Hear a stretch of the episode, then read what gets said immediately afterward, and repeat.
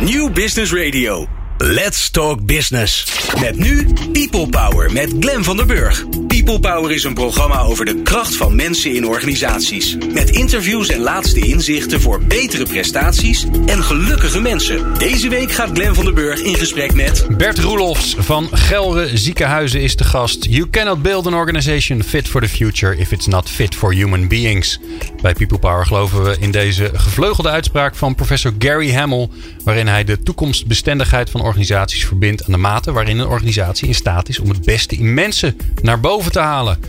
En HR heeft hier een sleutelrol in, in het ontwikkelen van deze kwaliteit. Of tenminste, wij vinden dat. En dat gaan we onderzoeken in onze reeks HR Creates People Power. Waarin we met HR-verantwoordelijken in gesprek gaan over de kracht van mensen in organisaties. Wat is hun visie op innovatie, ondernemerschap en continu verbeteren? Wat is de kracht van mensen en wat is de zwakte?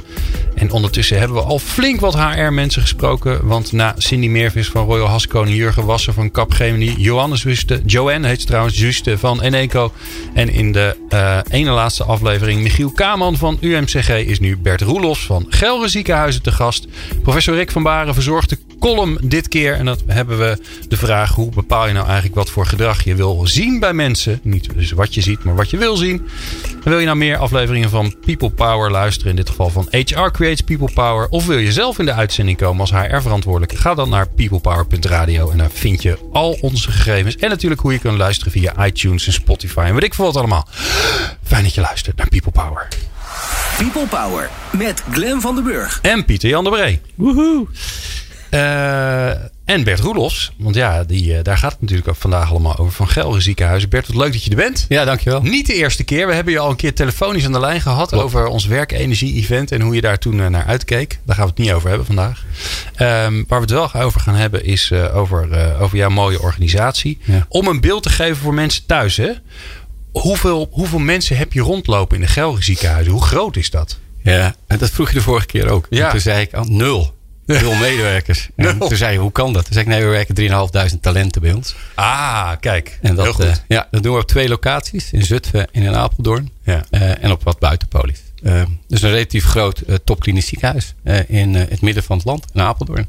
Ja, dat is mooi hè. Het midden van het land, land. dat is groot. Joh. Ik woon in Wageningen. Dat is een uurtje of drie kwartier bij Apeldoorn. Ik vind ook dat ik in het midden van het land woon. Dat Wij zitten in Hilversum. Dit is ook het midden van het land. Hè. Dit is zeker het midden van het land. Ja, het centrum hè. Ja, ja. ja. Maar mooi. Uh, 3.500 mensen. Wat is nou de grootste business uitdaging? Het is niet de HR uitdaging, maar de business uitdaging voor Gelre ziekenhuizen.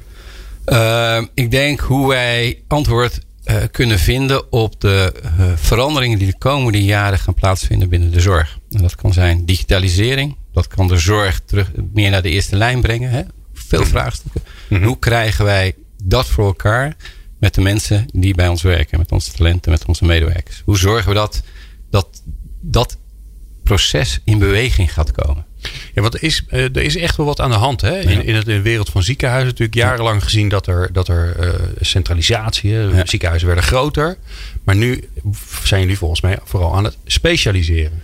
Ja, je ziet, je ziet een beweging aan, aan specialisatie. Um, je ziet ook wel uh, een beweging in de zorg terugbrengen naar waar het thuis hoort. Of, of, in ieder geval waar, waar je het voor kan zijn. Dus moeten we alle zorg nou wel in de ziekenhuizen brengen. Um, samenwerking. Dus uh, niet fusies, maar samenwerken met verschillende zorgaanbieders in, -hmm. in je regio. Regionaal het sterk maken. Ik denk dat er uh, op allerlei kanten gekeken wordt. Dus we worden veel meer netwerken dan, dan, dan stenen. Ik denk dat dat wel de grote uitdaging voor de komende jaren wordt. Okay. Uh, waar we nog heel klassiek nu georganiseerd zijn. Ja, in een gebouw. In een gebouw, ja. Met heel veel mensen. Met heel ja, veel mensen in datzelfde gebouw. Ja. En dan daarachter zit een ander gebouw, zitten andere mensen die doen ook zorg. En dan heb je een gebouw verder in de straat, zitten ook mensen. En, en door die gebouwen praten we en werken we niet samen. Ja, die muren houden wat tegen. Hè? Ja. Als je nou uh, kijkt naar deze uitdaging, hoe belangrijk zijn, uh, ik wil al mensen zeggen, hoe, jou, jullie talenten hier nou in? Ja, essentieel. Um, dat is wel mooi. Um, ik kwam binnen, uh, ik werk er sinds 1 april. Uh, de tijd even daarvoor een jaar na kunnen denken. En ik had gesprek met voorzitter van de Raad van Bestuur. En op een gegeven moment hadden we een woord te pakken waarvoor zeiden: wat, waar staan we nu eigenlijk voor? En dat woord, was het woord energie. Hoe kunnen wij nou energie genereren? En hoe kunnen we ook ervoor zorgen dat mensen s'avonds naar huis gaan nog energie hebben? Nou ja, Volgens zeg. mij is dat het woord. En toen zijn we naar energie-event. Maar ja. ja, daarom, ik dacht hem al. Dus dat, maar dat is denk ik de kern van waar we voor staan. Ja, oh wow. en dat is wel een hele, het is een makkelijk woord, maar een hele grote opgave om dat te realiseren. Ja, maar dat klinkt ook als er moet een balans zijn. Ja, en die balans is er niet meer, denk ik. Oké. Dat proef ik, dat merk ik. Um, en het is, um, het is als je trots bent op je werk, het leuk vindt en s'avonds maar daar aan de, zeg maar aan de keukentafel, maar die hebben we niet allemaal zo meer, maar kan vertellen hoe mooi die dag is geweest. En dat straal je uit. En, je kan wel daarna nog andere leuke dingen doen. Dan komt die volgende dag er ook weer met energie terug. Ja. De patiënten, dat zien ze, dat merken ze. En we hebben de afgelopen jaren heel veel efficiëntie doorgevoerd. Um, maar de energie is bij vele uh, van de professionals ook verdwenen. Dat Hoe merk ik in dat ieder geval. Um, ja, of als, daar, als ik daar het woord voor had, dan, uh, dan zou ik daar morgen mee in de slag gaan en half terug. Maar ik denk dat, um, anderen zeggen het ook wel, Wout het hart, en anderen zeggen ook wel, we zijn een beetje kwijt, uh, vervreemd van de bedoeling. Ja. Dus we denken dat het koekjesfabrieken zijn. En het zijn professionals die elke dag met hart en ziel zeg maar, aan patiëntenzorg werken. En die begrijpen de taal niet meer die we hanteren. Hm. maar dat gaat niet meer Heb over je daar een voorbeeld van waarvan je zegt van nou weet je, dit, dit, ge, dit gebeurt of dit hebben we ooit bedacht. Dat zie ik en het klopt gewoon niet. ja, het fenomeen business case vind ik altijd wel uh, een mooi fenomeen. Dat we iets in een business case moeten formuleren. Als het gaat over patiëntenzorg, als het gaat over kwaliteit van zorg. Uh, en dat we nu kunnen vragen ook welke impact heeft dat? Hè? En nou voor de patiënt. Of welke impact heeft dat voor onze medewerkers? We, we, zien nog wel welke impact het voor de organisatie heeft. We zien nog wel welke impact het voor um, uh, de patiënt heeft. Maar we denken niet naar, en wat is de impact voor onze medewerkers? Hm. En die zijn we, weet je. En daar hebben we een business case. En dan hebben we haar en analytics. En dat hebben we allemaal in cijfers en spreadsheets ondergebracht. En daarmee konden we de toekomst voorspellen. En helaas, we hebben een arbeidsmarkttekort. Ja, ja, ja. Want we konden het op cijfers voorspellen dat we ze niet nodig zouden hebben. Oh mijn god, echt waar? Ja. Dus we hoefden geen opleidingen te doen. Oh, ja. ja en nu, nu hebben we een arbeidsmarkttekort. Ja. En, en stel je nou voor hè, dat, ze destijds, uh, dat je destijds aan, aan, de, aan, aan jullie talenten, ik ga het woord maar gebruiken, uh, had gevraagd van joh, als, uh, kijk nou samen met ons de toekomst in, wat ja. zie je dan? Heb, denk je dan dat er is een beetje, een beetje koffiedik kijkt, maar denk je dat er wat anders uit was gekomen? Nou, ik denk als wij um, in kaart kunnen brengen hoe de toekomst eruit ziet. Hoe ziet nou onze toekomst er over vier jaar uit? Wat betekent dat voor de zorg? En als je dan met je mensen in gesprek gaat. Uh, ga je daarin mee? Wat moet je veranderen? Hoe wil jij daarin leren? Ben je er dan nog? Van die simpele vragen. En dat in kaart gaat brengen. Ja. Dan zie je dat mensen zeggen, nou, ik kan uitstroom. Je kan zien, daar heb ik een opleiding voor nodig. Uh, je weet dat een opleiding vier jaar duurt. Dus die moet je erin meenemen. Um, ik denk dat medewerkers heel veel antwoorden zouden kunnen geven op die vragen. En dat je een veel, en veel meer begrip hebt voordat je moet opleiden dus. Want dan is het een beslissing van medewerkers zelf. Nu voelden ze dat het van buitenaf komt. En dat ze op die cruciale momenten niet gehoord zijn. Ik, ik ga een vraag stellen die Pieter Jan had willen stellen, denk ik. Oké. Okay, ja, maar voor alvast mijn excuses, Piet. Ja, stel hem maar. Nou ja, ik was wat anders van plan, maar dat, uh, dat moet je altijd in de vuilnisbak willen gooien. Jij, um, um, som, soms heb je bij de, als je radio zit te maken, dan baal je dat er geen video is, omdat, ja. omdat het gezicht van iemand boekdelen spreekt. Ja. Jij, uh, uh, het spat er vanaf, ja. de energie. Hoe komt dat? Um, dat komt omdat ik elke dag in een ziekenhuis loop. Waar ik professionals zeg maar, het beste van hun werk laat zien. En elke dag besef ik me nog dat, weet je, daar, ik ben ervoor om die energie te geven. En als ik dat niet met passie, met overtuiging, met bezieling kan doen.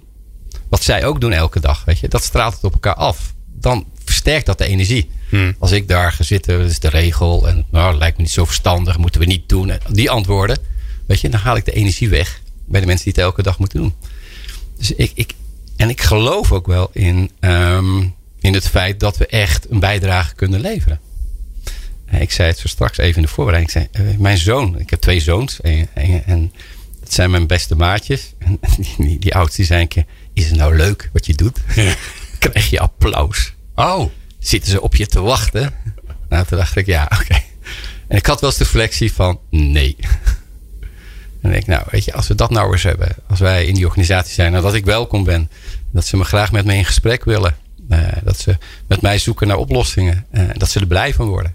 En wat zie je dan als jouw rol? Want je bent, je bent hem al een beetje in. Wat zie jij als een rol van, van jouw afdeling, van de HR-afdeling? Ja, ja, dat is mooi. Wat is jouw bedoeling? Ja, ik heb iets met het woord HR, dus dat is, maakt het ook nogal lastig. Waarschijnlijk niet heel positief, of wel? Nee, ik, ik heb een hele mooie portefeuille en die heet Mens, Cultuur en Leiderschap. Oh. Ehm, en ehm, wat het mooie is dat we, uh, ik ga voor, voor human leadership. Dat betekent dat dat leiderschap over mensen van ons allen is. Dus wij proberen rond die thema's uh, dat te enthousiasmeren. Um, ik, een soort van, ja, ik moet geen prediker worden, want um, ja. dan heb je de verkeerde. Maar je moet wel met een passie rondlopen. En het mooie is dat um, het Gelder nu een, een, visie op mensen heeft geschreven met elkaar, niet wij. Maar we hebben dat geadopteerd met elkaar. En we hebben um, mens, cultuur en leiderschap als ons hoofdthema neergezet voor de komende jaren. Uh, dat hebben uh, 150 uh, leidinggevenden en mensen dwars door nu al geformuleerd. En dat gaat alleen maar verder. Dus het enige wat ik ben, is dat in beweging brengen, krijgen. Met elkaar. Ja. Mensen motiveren, uitnodigen, um, op te zoeken, in gesprek te gaan. Tegenover ze te zitten, kwetsbaar te zijn. Je, dat is het enige. Ja, ja. mens zijn. Hey, en, uh, uh, uh, als je nou naar jouw to-do-lijstje kijkt. Ja. Voor, laten we zeggen, het komende half jaar. Dus ja. hou hem bescheiden. Wat staat daarop? Wat zijn de thema's waarvan je zegt van nou, daar, daar moet ik echt mee aan de slag. Dat is gewoon het belangrijkste wat ik moet doen. Ja. Deze drie dingen. In ieder geval, um, we hebben de arbeidsmarkt. Dus ik, als ik zeg dat ik niet met die arbeidsmarkt bezig ben, dan um, zou dat gek klinken. Ja. Um, maar die arbeidsmarkt ben ik vooral intern bezig. Hoe zorg ik dat onze mensen het fijn vinden om bij Gelder te werken? Dat is volgens mij nog wel belangrijker dan aan de voorkant heel veel mensen te werven. Ik denk dat we voorkomen dat we met de dweilen met de kraan open doen. Oké. Okay. Dus echt ervoor zorgen dat mensen trots zijn op het Gelder. Trots zijn uh, op het werk wat ze doen. En uh, gehoord worden en in gesprek met ze zijn. Ik denk dat dat het belangrijkste is waar ik mee bezig ben. Um, tweede is wel het leiderschapsprogramma verder vorm te geven. Weet je, al vanuit dat perspectief um, dat wij een, uh, leiderschap is van iedereen. Hè? Dus leiderschap gaat niet alleen over managers. Het gaat over persoonlijk leiderschap. Het gaat over professioneel leiderschap. Het gaat over coördineerd leiderschap. Maar het gaat over die drie dimensies. Maar iedereen een verantwoordelijkheid gaat nemen om een omgeving te creëren waar je fouten mag maken, waar je mag leren. Um, waar je als collega's met elkaar gaat samenwerken. Waar we verantwoordelijkheid en vertrouwen aan elkaar gaan verbinden. Uh, dat zijn een beetje de thema's. Dat, dat is eigenlijk continu waar ik over in gesprek ben uh, in de organisatie. En dat kan nog gelukkig. Ik ben de kort, dat mag nog. Dat kan nog. mag. Ik kan nog. Dat je dat mag zit nog niet in doen. het systeem. Maar nee, maar ja. dat. Ik denk dat. Uh, en het enthousiasme overbrengen. Ja. En, en mijn HR-adviseurs uitdagen om het beste te doen. Ja, wauw. Ik ben zo heel benieuwd. En Pieter Jan ook, dat weet ik namelijk zeker. Wij zijn zo symbiotisch dat ik al weet wat hij denkt. Hè? Dat is ongelooflijk. Maar wij zijn zo heel benieuwd uh, hoe je dat dan doet. People Power. Inspirerende gesprekken over de kracht van mensen in organisaties. Met Glen van der Burg. Bert Roelofs van Gelre Ziekenhuizen is in de studio. En we praten over, uh, ja, over hoe je als HR... en Bert heeft net al aangegeven... eigenlijk heet ik zo helemaal niet eens... Want ik hou me bezig met mens, cultuur en leiderschap. Um, uh, maar hoe je, ja, hoe je daar vanuit je, vanuit je professie uh, zorgt dat die people power naar boven komt. En um, ja, wij houden van de, van de uitspraak van, van Gary Hamel. Hè, die verbindt eigenlijk het, uh, de toekomstgerichtheid van de organisatie in de mate waarop mensen, uh, je, je de organisatie ja. voor mensen kunt maken. You cannot build an organization fit for the future if it's not fit for human beings. Hoe geef jij daar nou invulling aan? Dus wat, wat, wat zie ik jou doen op een dag? Oh, um, ik, ja. Voor mij is het ook een zoektocht. Hè? Ik ben ook zelf in het proces aan het leren, enorm aan het leren hoe ik dit moet doen. Want ik, ik heb ook vastgesteten in systemen en taal, competentiemanagement, taal, al die woorden die we in haar hebben bedacht. Dus ik ben elke dag nog aan het ontdekken hoe ik dat anders kan doen. Maar ik heb er wel ontdekt dat ik vanuit die ene passie, die visie die ik die heb over hoe, hoe mensen moeten werken, dat dat mijn enige drijfveer is waarop ik in die organisatie rondloop. Gesprekken voor dingen die we doen, kritisch beoordeel. Zeg dat, dat doen we niet, dat doen we wel. Mijn mensen uitnodig in mijn directe omgeving om, om zo um, te kijken naar de organisatie. En wat doe je niet? Waarvan heb je zeg maar, in de ah. afgelopen maand gezegd: nee, dat doen we niet. Het past gewoon niet. Regeltjes schrijven, voorschrijven. Um, Oké. Okay. Procedures bedenken. Uh, maar op welk gebied? Laten we het even heel concreet maken. Um, ja, oh, we hebben interessant. We zijn bezig met um, in Schelders en Breed roken. Oh ja. Roken binnen en buiten een ziekenhuis. Um, En natuurlijk krijg je dan de eerste reactie: handhaven, regels voorschrijven. Uh, misschien wel de straten. In Nederland mogen we straks steeds minder roken. Dan moet er handhaafd worden op de omgeving. En dat hebben we met Raadsbestuur over. Dat gaan we niet doen. Dus we zijn en, uh, geïnteresseerd. Rick uh, heb je straks, maar samen met de Club van Rick waren aan het kijken. Hoe kunnen we het, welk gedrag hebben we nodig? Oh, wat leuk. Welk gedrag hebben we nou nodig? Dat mensen straks niet gaan roken. En laten we nou eens achter die belemmering komen. En ik denk dat dat steeds de boodschap waar ik mee bezig ben. Welk gedrag is dit? Wat is de belemmering van het gedrag? Waarom doen ze het gedrag niet? En kunnen we mensen daarover in gesprek gaan? Ze hebben zelf antwoorden. En niet weer regeltjes bedenken en handhaven en in procedure zetten. Want daarvan dacht jij, dus dit, misschien is het de meest makkelijke logische oplossing, maar het past niet bij al die andere dingen waar we mee bezig zijn om mensen nee. leiderschap over hun leven te laten. En dat te laten zien. En Bert, uh, uh, je zei al even, hè, ik, ik doe dit nu uh, sinds april. Ja. voor mij ook een, een omslag. Van waar die omslag? Nou, ehm, ik heb een tijd fantastisch werk mogen doen in het AMC in Amsterdam. Dat was echt een uitdaging. maar ik was alleen maar bezig met um, overleggen, regels, procedures. en ik merkte aan mezelf en mijn omgeving ook. Um, ik werd er niet blij van. En mensen zeiden altijd tegen me, je had zo'n passie, je had zo'n verhaal en dat misten we bij je. En mijn zoon zei heel mijn zoon, je wordt er gewoon niet leuker op. Simpel. Ik snap niet waar je mee bezig bent, maar je verdwijnt van jezelf.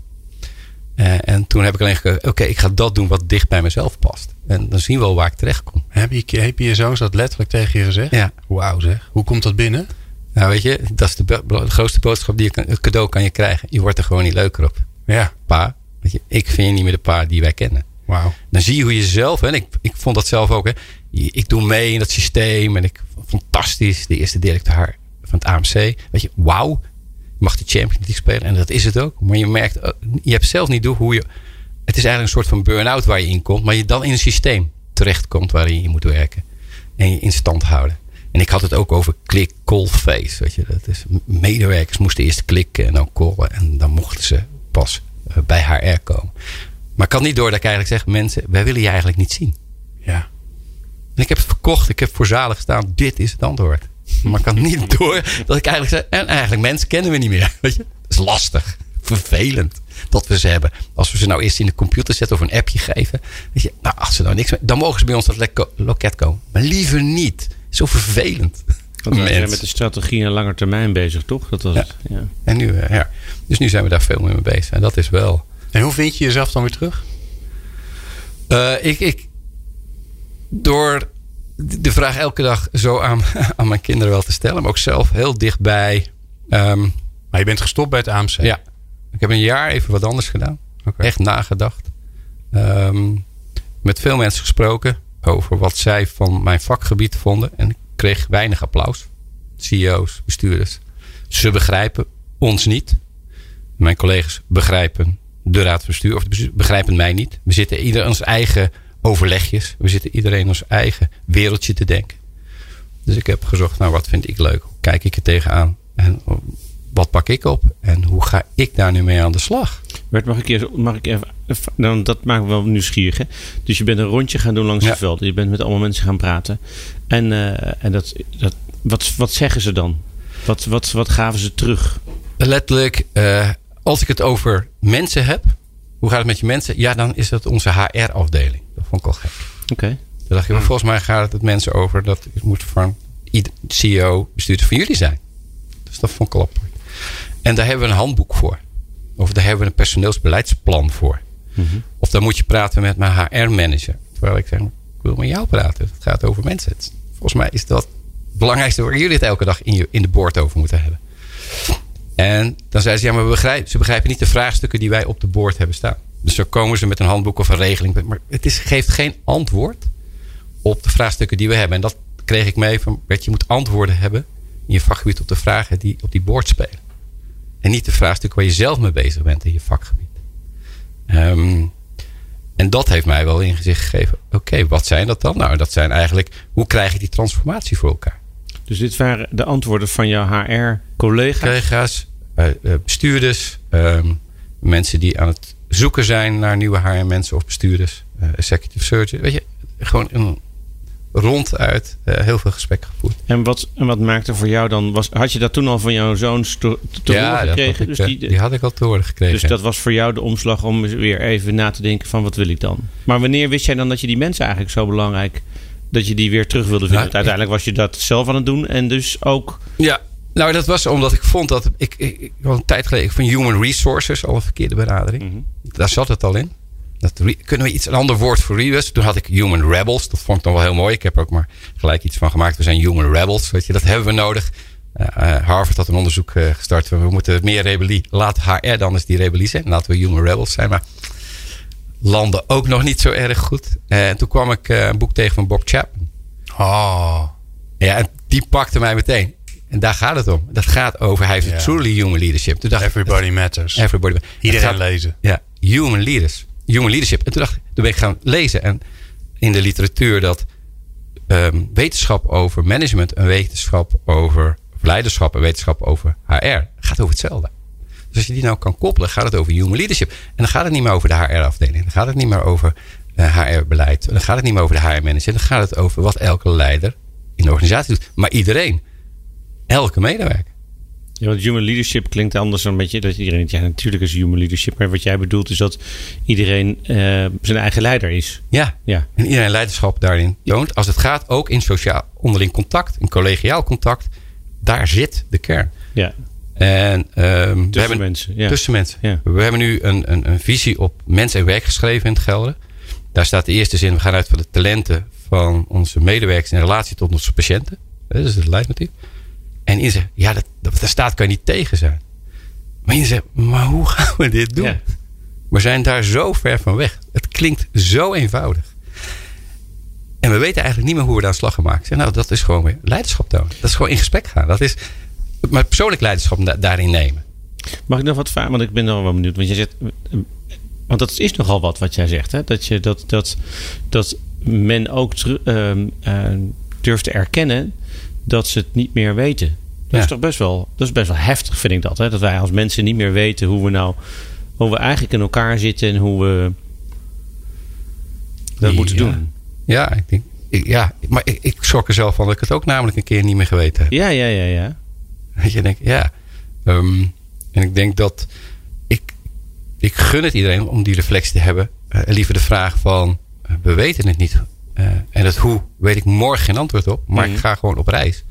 En eh, het ontstaat vanzelf. Als dat we er morgen weer een formuliertje voor hebben. Ja. Of een systeempje of een app. Weet je, het mechanisme om heel snel meer in control te komen. Ja. Het antwoord te hebben. Ja. En, en Ja. eh, want het is wel interessant, hè? Ehm, eh, dus jullie hebben een visie.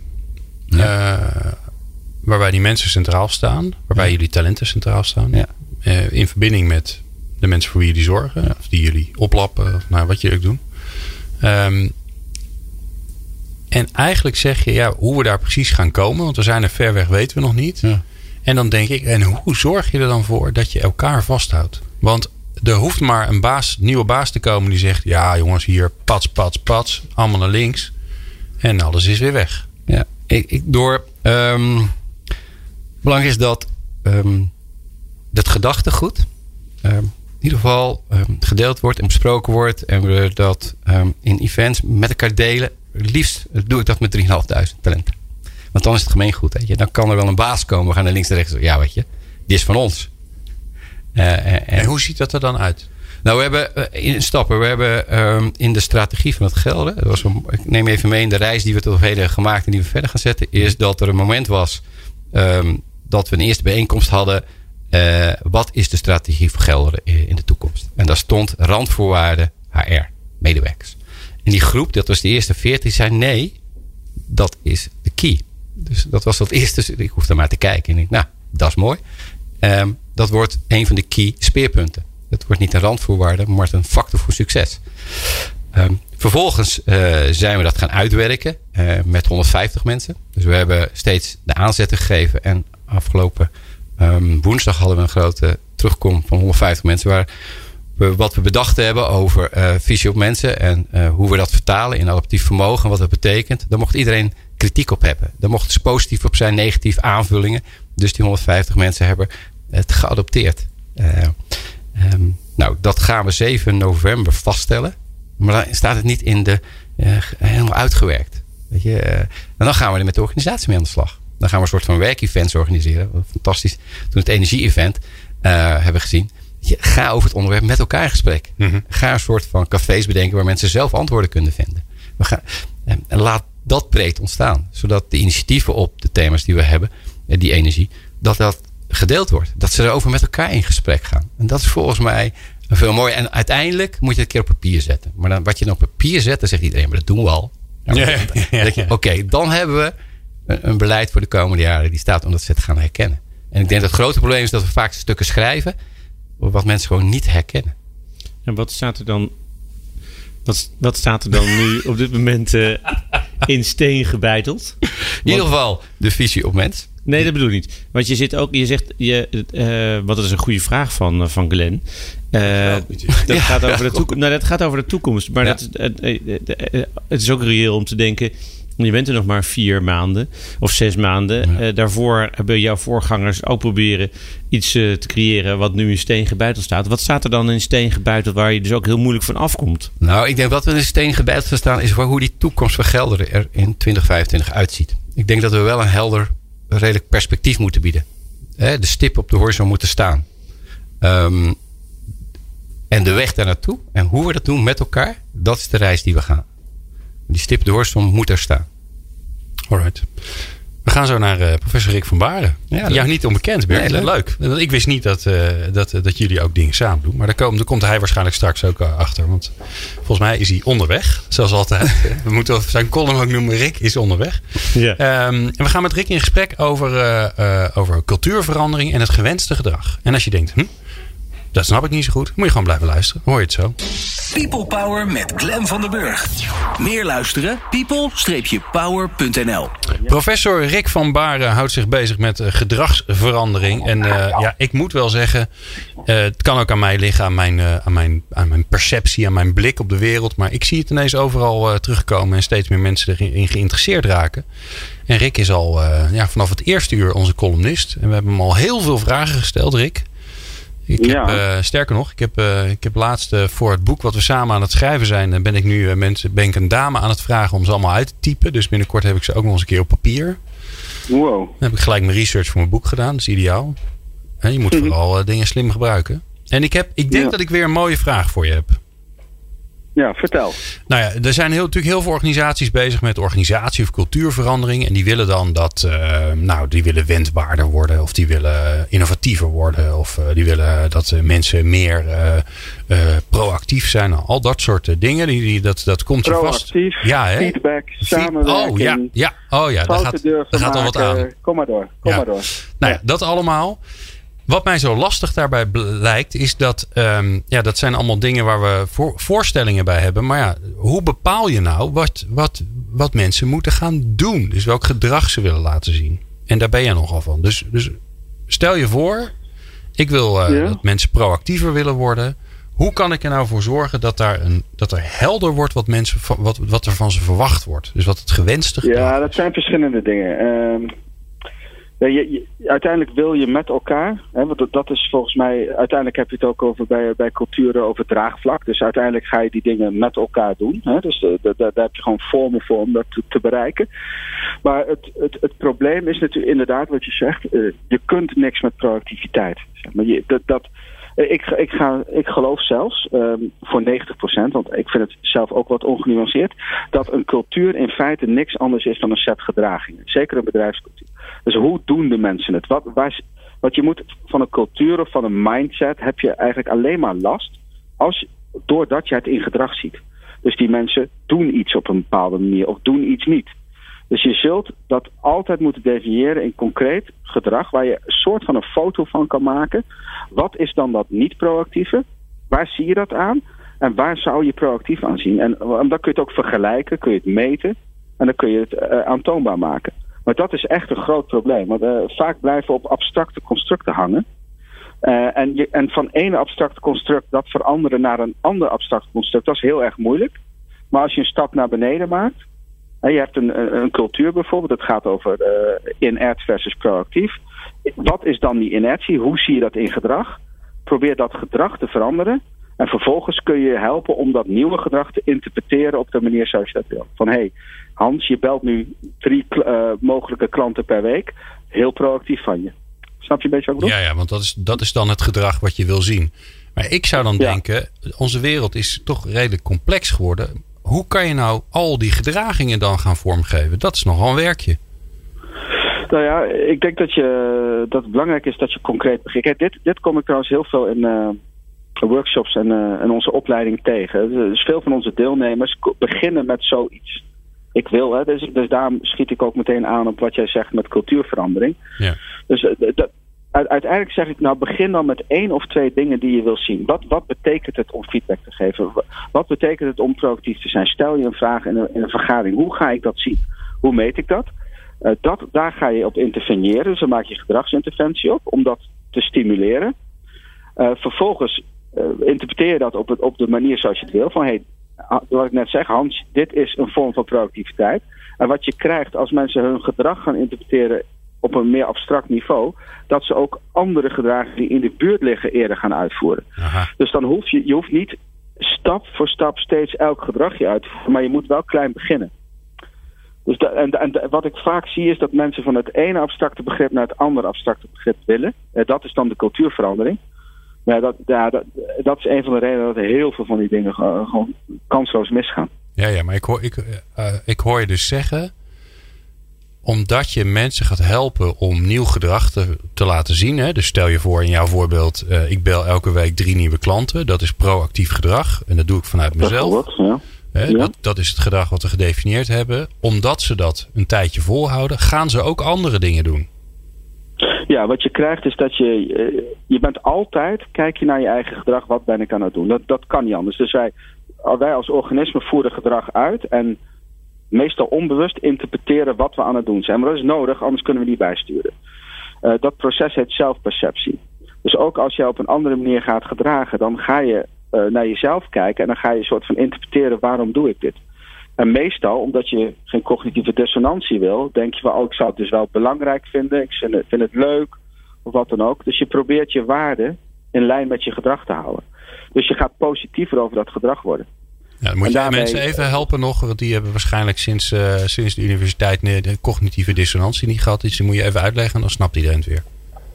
Ja, cognitieve dissonantie uh, betekent dat je uh, geen verschil wil tussen bijvoorbeeld gedrag en attitudes. Je wil dat dat in lijn ligt. Dus je wil dat, dat je doet wat je vindt en vindt wat je doet. Okay, Op het dus... moment dat die dingen niet kloppen, dan krijg je een spanning en die spanning wil je oplossen. Ja, ja, dus ik vind jou aardig. Dus ik, doe, uh, dus ik stel jou hele open vragen omdat ik je wil helpen in je verhaal. En als jij nu boos wordt, dan, dan snap ik het niet meer. Dan heb ik last van een cognitieve dissonantie. Nou ja, in feite, uh, als je proactief doet, je, vindt pro, je doet proactief, maar je vindt het, uh, maar, maar eigenlijk ben je tegen die cultuurverandering, maar je vertoont het gedrag wel. Dan ga je op een gegeven moment geeft dat spanning. En dan is het makkelijker om, dan maar, uh, om, het, om het dan toch maar leuk te vinden, bijvoorbeeld. Ja.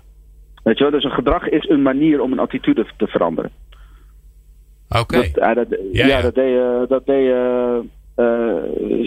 Chinese leger deed dat vroeger ook al. Of, of uit de Cuba-tijd weten we dat. Dat je bijvoorbeeld krijgsgevangenen een, een soort opstel laat schrijven van wat, wat er mis is met de Verenigde Staten bijvoorbeeld. Hè? Dus dat, dat Amerikanen zelf moeten gaan uh, schrijven wat er mis is met de Verenigde Staten. Ja. Waardoor ze dan dat gedrag vertonen, maar ook minder van hun vaderland gaan houden. Dus dat is, ja, dat, dat is een bekend fenomeen. Ja. Een soort zelfovertuiging. Ja, ja, ja. Ja, cognitieve dissonantie. Maar in de essentie, dus in de kern, ik, ik vind dat uh, cultuurverandering moet over gedrag gaan. En, en ik zie het zo vaak fout gaan. Zeg maar, en dan blijft het in algemeenigheden. Ja, en daar kun je uren over praten. Dat is het mooie. En dan kun je de ene naar de andere consultant opzetten. Maar uiteindelijk verander je weinig. Het moet over gedrag gaan. En pas later in het proces gaat het over waardes. Oké. Okay. Rick, is, het dan, is dat mind over body of body over mind? Dus dat, werkt dat zo? Dus eigenlijk ook bijna systemisch in, je, in jezelf? Nou ja, voor mij is gedrag ook uit de mind. Dus, dus uh, ja, gedrag is, is, is heel vaak leidend mensen zijn gemaakt door de evolutie en de natuur om iets te doen en niet per se om iets te denken. Ja, mensen dus denken, ja, dus cognitie volgt vaak actie. Ja. Mooi. Ja, wat ik wel interessant eraan vind, Rick, is dat je dus. Uh, en ik zit elke keer ook weer naar. Uh, en ik, op een gegeven moment uh, begin ik ook dingen door elkaar te halen. Misschien moet ik maar gewoon eens les bij je gaan volgen. Maar ik zit ook te denken, door het gedrag uit te voeren, werk je dan ook aan jezelf fixeren? Dus het gevoel, ik kan dit. Ja, want ik kan ja, me ook voorstellen dat, dat heel veel heeft mensen. Daar, uh, dat heeft er ook een effect op, absoluut. Ja, want ik kan me voorstellen Ja, dat heel dus, veel uh, mensen ook denken: ja, ik kan, ik kan helemaal niet proactief zijn. Of ik kan helemaal niet uh, uh, klantvriendelijk zijn. Ik weet niet eens wat het is. Het moet commercieel zijn. Jeetje, dat heb ik nooit gedaan. Ja, de, de, de, die kleine stapjes die zorgen A voor die commitment. En B zorgen voor inderdaad wat je zegt. Dat je zelfefficacy hoger wordt. Dat je merkt dat je het kan. Ja, want ja, als ik ineens proactief moet worden, ja, wow, wat is dat dan? Maar als je met kleine stapjes begint, dan, dan gaat dat makkelijker, inderdaad. Ja. En als jij nou een, uh, als jij nou een organisatie helpt hè, hierin, dus die zeggen bijvoorbeeld, uh, nou, we willen inderdaad uh, cliëntgerichter worden als het om een ziekenhuis gaat, of we willen klantgerichter worden, of we willen proactiever worden. Hoe bepaal jij nou welk deeltje gedrag je aan gaat werken? Want die bak is Ja, dat doen wij in sessies. Dat, dat doen wij in interactieve sessies zeg maar. Dus dit, is, dit is mijn werk ook toevallig. Echt waar? En dan, uh, ja, ja. dus maar daar ben je even tijd mee bezig. En er zit veel frustratie in. Want ik merk, op zich snapt iedereen wat, wat je zegt natuurlijk. Je moet het concreet maken. Maar dat concreet maken, dat is echt een bitch. Want dan, dan, dan zijn mensen de hele middagen mee bezig. Van ja, uh, dat precies te duiden hoe dat het dan uitziet. En dan kijken wij mee en dan kijken we ook naar de haalbaarheid. En wat is een mooi wat is makkelijker veranderbaar? Wat zou een mooi begin zijn? Wat geeft mooie energie? Dus uh, ja, dat, dat is een co-creatief proces. Ja, en dat, daar, dat doen we zeg gewoon aan de hand van opdrachten doen we dat. Ja, dus, en dat is dus vakmanschap. Ja, nou ja, we hebben er wat stappen voor ontwikkeld, maar inderdaad, dat, uh, daar zit vakmanschap bij. Ja. En eigenlijk zit de mind dan eigenlijk in de weg, zeg je hè? Ja, ja, het, het, probleem is vaak dat, uh, als ik even mag, uh, het probleem is dat, dat je sowieso gewoontes hebt. Die heb je al, dus, überhaupt alle verandering is, is een lastige. Maar wat je ook merkt is dat de, de cultuurverandering wel gewenst is, maar de prikkels in, in, de, in de structuren, in de processen, vaak nog het oude gedrag in stand houden. Dat komt er ook nog bij. Dus dat, uh, en het is vaak dat het oude zit het nieuwe in de weg. Op zichtbare en onzichtbare manieren. Dat vind ik vaak de grootste uitdaging. Mm. Ja. Ja, dat zit gewoon Dus- in, het zit, dat zit ook weer in, in de andere mensen eromheen. Hè? Bijvoorbeeld de leidinggevende die Ja. dan, uh, als iemand dan eens een keer fijn proactief aan het doen is, zegt van uh, ho ho, wat zijn we aan het doen? Ja, ja. Dat was toch niet helemaal de bedoeling? Of zelfsturing, maar dan met heel veel terugrapportage. Ja, Ja. ja. met protocollen, processen. Dat, ja, dat vind je. Maar natuurlijk die weerstand zit bij die persoon zelf, die het spannend vindt om te veranderen en die het helemaal kan overzien. Plus dat de structuren het oude gedrag vaak nog in stand houden. Ja. Jeetje Rick, het was weer eh, eh, leerzaam, eh, veel te kort, maar wel, ja, het smaakt naar meer. Als mensen nou denken, goh, die van Baren die zou me eigenlijk eens een keer moeten helpen met mijn organisatieverandering. Waar moeten ze dan heen? Info.gedragsverandering.nl Oké, hartstikke goed. Info.gedragsverandering.nl, daar, dat is de, Ja, dat de zei je net ook al. Ja. ja, Is dat ook een psychologisch trucje dat je dingen twee keer moet zeggen, omdat het dan beter blijft hangen of niet? ja, precies. ja. Hey Rick, dankjewel voor je tijd en we spreken je snel weer. Hey, graag gedaan. Oké, hoi hoi. People Power met Glen van der Burg. Meer luisteren? people-power.nl Ja, we moeten ondertussen de jingles laten aanpassen. Want uh, je kan uh, natuurlijk naar people-power.nl. Ben je zeer welkom toe. Maar op peoplepower.radio, daar staat alles direct. Dan hoef je niet een keer extra te klikken. Wij uh, zitten in de studio met Bert Roelofs van het Gelre ziekenhuis. Of de Gelre ziekenhuizen, want het zijn er zelfs meer. Uh, Bert is lichtelijk gepassioneerd uh, over, zijn, uh, over zijn vak. Namelijk zorgen dat, ja, dat er human leadership komt. Dat mensen blij, gelukkig en energiek in hun werk komen. Dus we hebben elkaar gevonden. We zijn vrienden geworden deze, het afgelopen uur. Ik word er al emotioneel van. Um, maar ja, Bert, het is nog een lange weg te gaan. Ja. we hebben het al een beetje gehad over wat je dan doet in je organisatie. Maar ja, misschien wel de allerbelangrijkste vraag. Wat is, wat is het allerbelangrijkste wat er moet gebeuren? Om te zorgen dat je niet allemaal weer een beetje naar de, naar de column van Rick van Baren weer in dat oude gedrag schiet. Ja, oh. Is, uh, ja, simpele vraag. Simpele vraag met een heel kort antwoord. Um, ja, ik zeg echt. De, de vraag durven te stellen iedereen. Wat gaan we morgen niet meer doen? Oké. Okay. Uh, jaarplannen gaan we allemaal schrijven. Wat gaan we wel doen? En volgens mij het ook. Wat gaan we niet meer doen? Dus waar nemen we afscheid van? Wat stoppen we mee? Ehm, en hoe, de tweede is durf los te laten wat je de afgelopen jaren allemaal geregeld, geschreven, gedaan hebt. Volgens mij zijn dat de twee uh, belangrijkste stappen. En ik, ik, ik, gebruik altijd, sorry, mijn, mijn kinderen als referentiekader. Maar, maar leuk. Mijn jongste zoon was, uh, um, hij zit in de ICT en, en die, moest een, die had een evaluatiegesprek met zijn leidinggevende aangevraagd. En die zei, pa, jij zit in die haarwereld, kan je even met mij meekijken? Is goed, we doen dat. Hij gaat naast me zitten, zijn laptopje en hij uh, doet het open. En ik zie, joh, wat is je functie? En uh, wat zijn je competenties? Uh, en, en, als je die competenties hebt je op je niveau, zit je niveau 2, 3. Het was stil en hij keek me echt aan. Hij zei, zullen we het nog een keer overdoen? ik ging weer in die riedel zitten. Die wereld waar ik in zat. En toen zei hij in keer, pa, stop even. Pa, ik heet Lars. Dit zijn mijn kwaliteiten. En daarover wil ik het gesprek hebben.